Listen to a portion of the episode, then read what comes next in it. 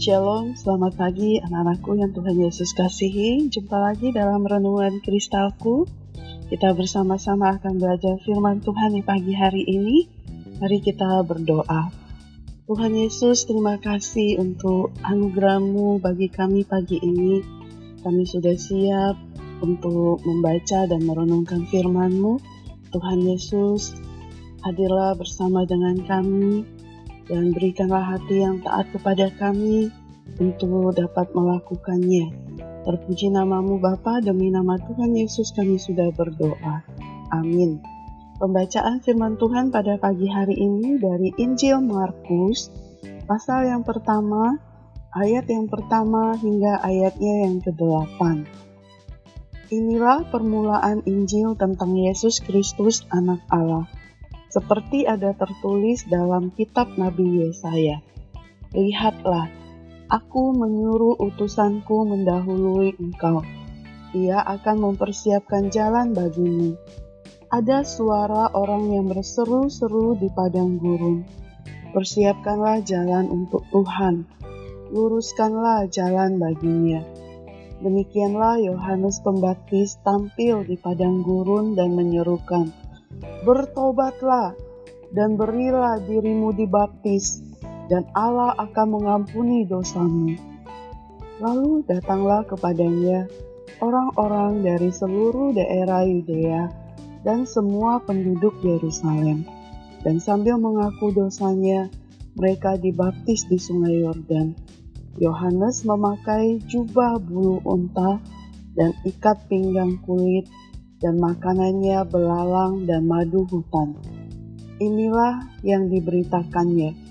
Sesudah aku akan datang ia yang lebih berkuasa daripadaku, membungkuk dan membuka tali kasutnya pun aku tidak layak. Aku membaptis kamu dengan air, tetapi ia akan membaptis kamu dengan roh kudus.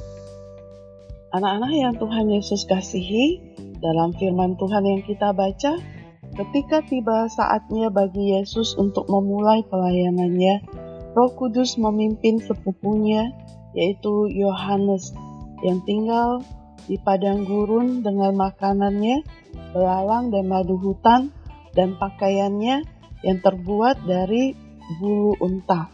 Banyak yang pergi ke padang gurun untuk mendengarkan firman Tuhan. Yohanes mengatakan kepada orang-orang itu untuk berbalik dari dosa-dosa mereka, sehingga mereka akan diampuni. Mereka yang berdosa harus bertobat dan memberi diri dibaptis di Sungai Yordan.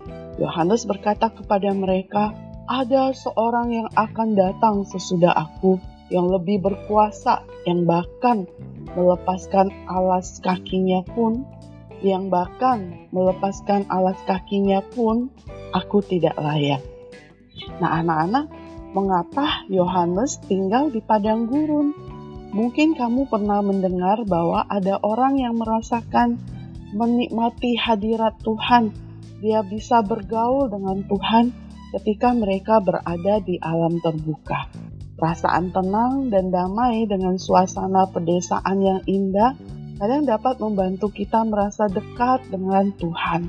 Namun, ini bukan karena Allah hidup dalam setiap hal yang Ia ciptakan, melainkan karena dengan melihat dan menikmati alam sekitar kita, kita bisa melihat betapa berkuasanya Allah yang telah menciptakannya.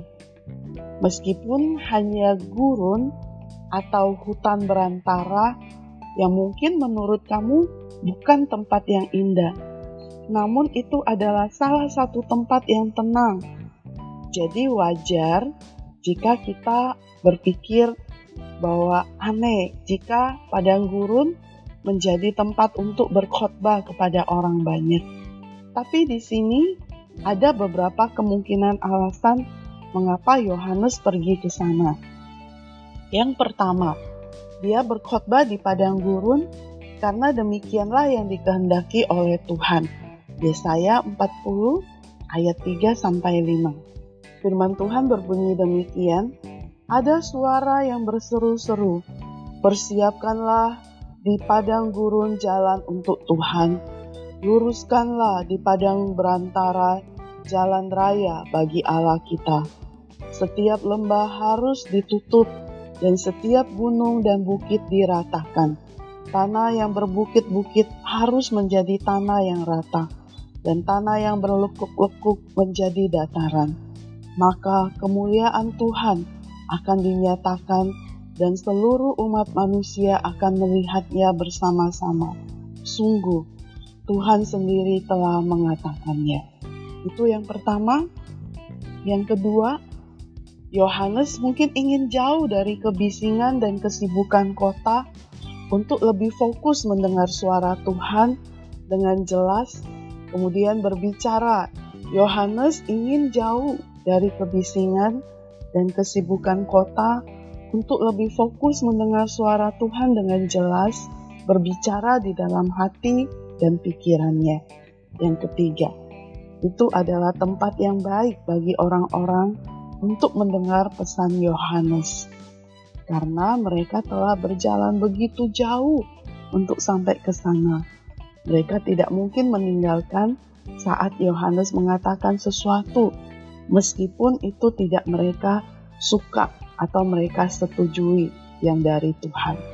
Nah, anak-anak, hari ini kita belajar bahwa mari kita cari tempat yang di mana kita bisa tenang untuk berdoa, untuk belajar firman Tuhan.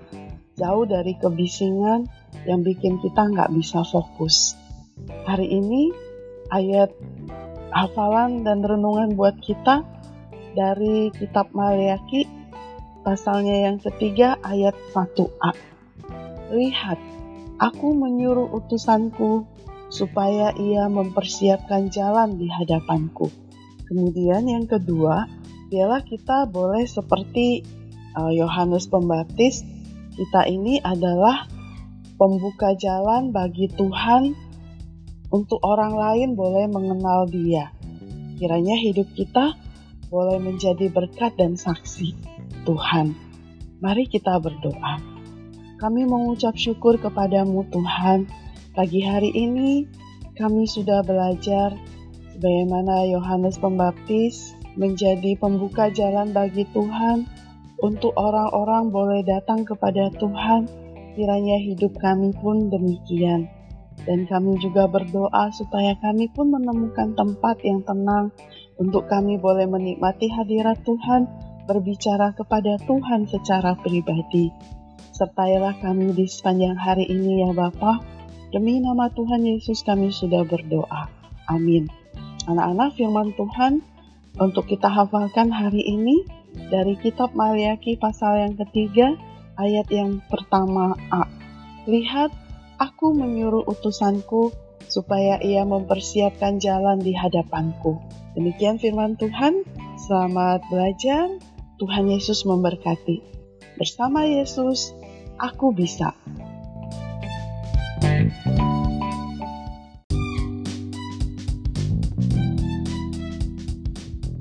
Shalom, selamat pagi anak-anakku yang Tuhan Yesus kasihi. Jumpa lagi dalam renungan kristalku.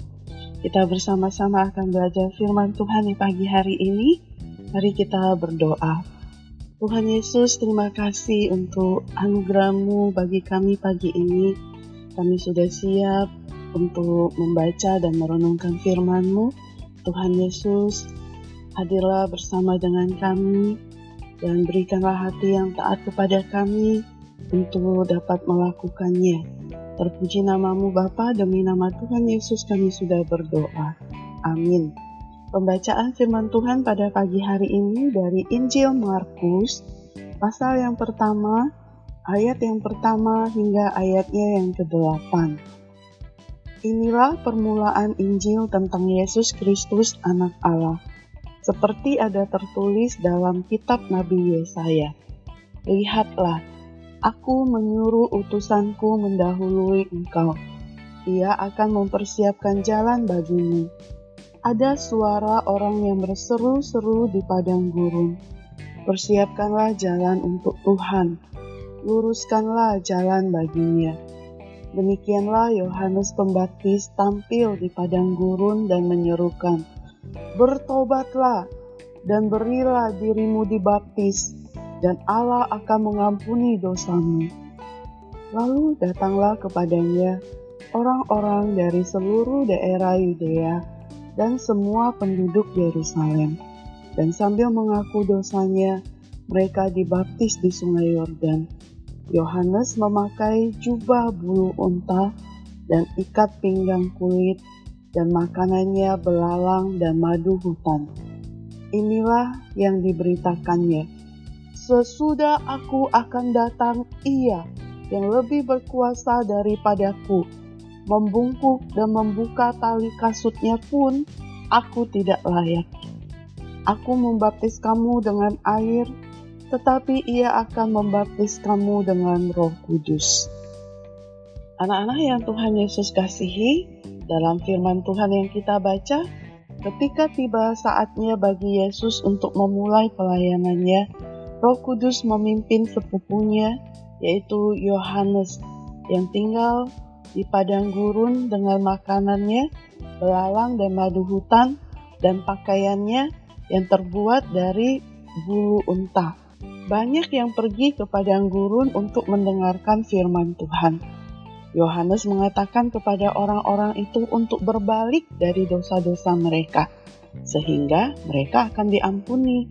Mereka yang berdosa harus bertobat dan memberi diri dibaptis di sungai Yordan. Yohanes berkata kepada mereka, "Ada seorang yang akan datang sesudah aku, yang lebih berkuasa, yang bahkan melepaskan alas kakinya pun, yang bahkan melepaskan alas kakinya pun, aku tidak layak." Nah, anak-anak, mengapa Yohanes tinggal di padang gurun? Mungkin kamu pernah mendengar bahwa ada orang yang merasakan menikmati hadirat Tuhan. Dia bisa bergaul dengan Tuhan ketika mereka berada di alam terbuka. Perasaan tenang dan damai dengan suasana pedesaan yang indah kadang dapat membantu kita merasa dekat dengan Tuhan. Namun, ini bukan karena Allah hidup dalam setiap hal yang Ia ciptakan, melainkan karena dengan melihat dan menikmati alam sekitar kita, kita bisa melihat betapa berkuasanya Allah yang telah menciptakannya. Meskipun hanya gurun atau hutan berantara yang mungkin menurut kamu bukan tempat yang indah, namun itu adalah salah satu tempat yang tenang. Jadi wajar jika kita berpikir bahwa aneh jika padang gurun menjadi tempat untuk berkhotbah kepada orang banyak.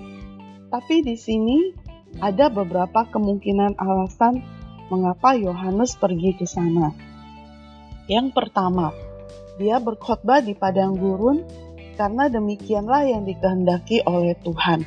Yesaya 40 ayat 3 sampai 5. Firman Tuhan berbunyi demikian, ada suara yang berseru-seru, persiapkanlah di padang gurun jalan untuk Tuhan. Luruskanlah di padang berantara jalan raya bagi Allah kita. Setiap lembah harus ditutup dan setiap gunung dan bukit diratakan. Tanah yang berbukit-bukit harus menjadi tanah yang rata dan tanah yang berlekuk-lekuk menjadi dataran. Maka kemuliaan Tuhan akan dinyatakan dan seluruh umat manusia akan melihatnya bersama-sama. Sungguh, Tuhan sendiri telah mengatakannya. Itu yang pertama. Yang kedua, Yohanes mungkin ingin jauh dari kebisingan dan kesibukan kota untuk lebih fokus mendengar suara Tuhan dengan jelas, kemudian berbicara. Yohanes ingin jauh dari kebisingan dan kesibukan kota untuk lebih fokus mendengar suara Tuhan dengan jelas, berbicara di dalam hati dan pikirannya. Yang ketiga, itu adalah tempat yang baik bagi orang-orang untuk mendengar pesan Yohanes, karena mereka telah berjalan begitu jauh untuk sampai ke sana. Mereka tidak mungkin meninggalkan saat Yohanes mengatakan sesuatu, meskipun itu tidak mereka suka atau mereka setujui yang dari Tuhan. Nah, anak-anak, hari ini kita belajar bahwa mari kita cari tempat yang di mana kita bisa tenang untuk berdoa, untuk belajar firman Tuhan. Jauh dari kebisingan yang bikin kita nggak bisa fokus. Hari ini ayat hafalan dan renungan buat kita dari kitab Maliaki pasalnya yang ketiga ayat 1a. Lihat, aku menyuruh utusanku supaya ia mempersiapkan jalan di hadapanku. Kemudian yang kedua, ialah kita boleh seperti uh, Yohanes uh, Pembaptis, kita ini adalah pembuka jalan bagi Tuhan untuk orang lain boleh mengenal Dia. Kiranya hidup kita boleh menjadi berkat dan saksi Tuhan. Mari kita berdoa. Kami mengucap syukur kepadamu Tuhan. Pagi hari ini kami sudah belajar bagaimana Yohanes Pembaptis menjadi pembuka jalan bagi Tuhan untuk orang-orang boleh datang kepada Tuhan. Kiranya hidup kami pun demikian dan kami juga berdoa supaya kami pun menemukan tempat yang tenang untuk kami boleh menikmati hadirat Tuhan, berbicara kepada Tuhan secara pribadi. Sertailah kami di sepanjang hari ini ya Bapa. Demi nama Tuhan Yesus kami sudah berdoa. Amin. Anak-anak firman Tuhan untuk kita hafalkan hari ini dari kitab Maliaki pasal yang ketiga ayat yang pertama A.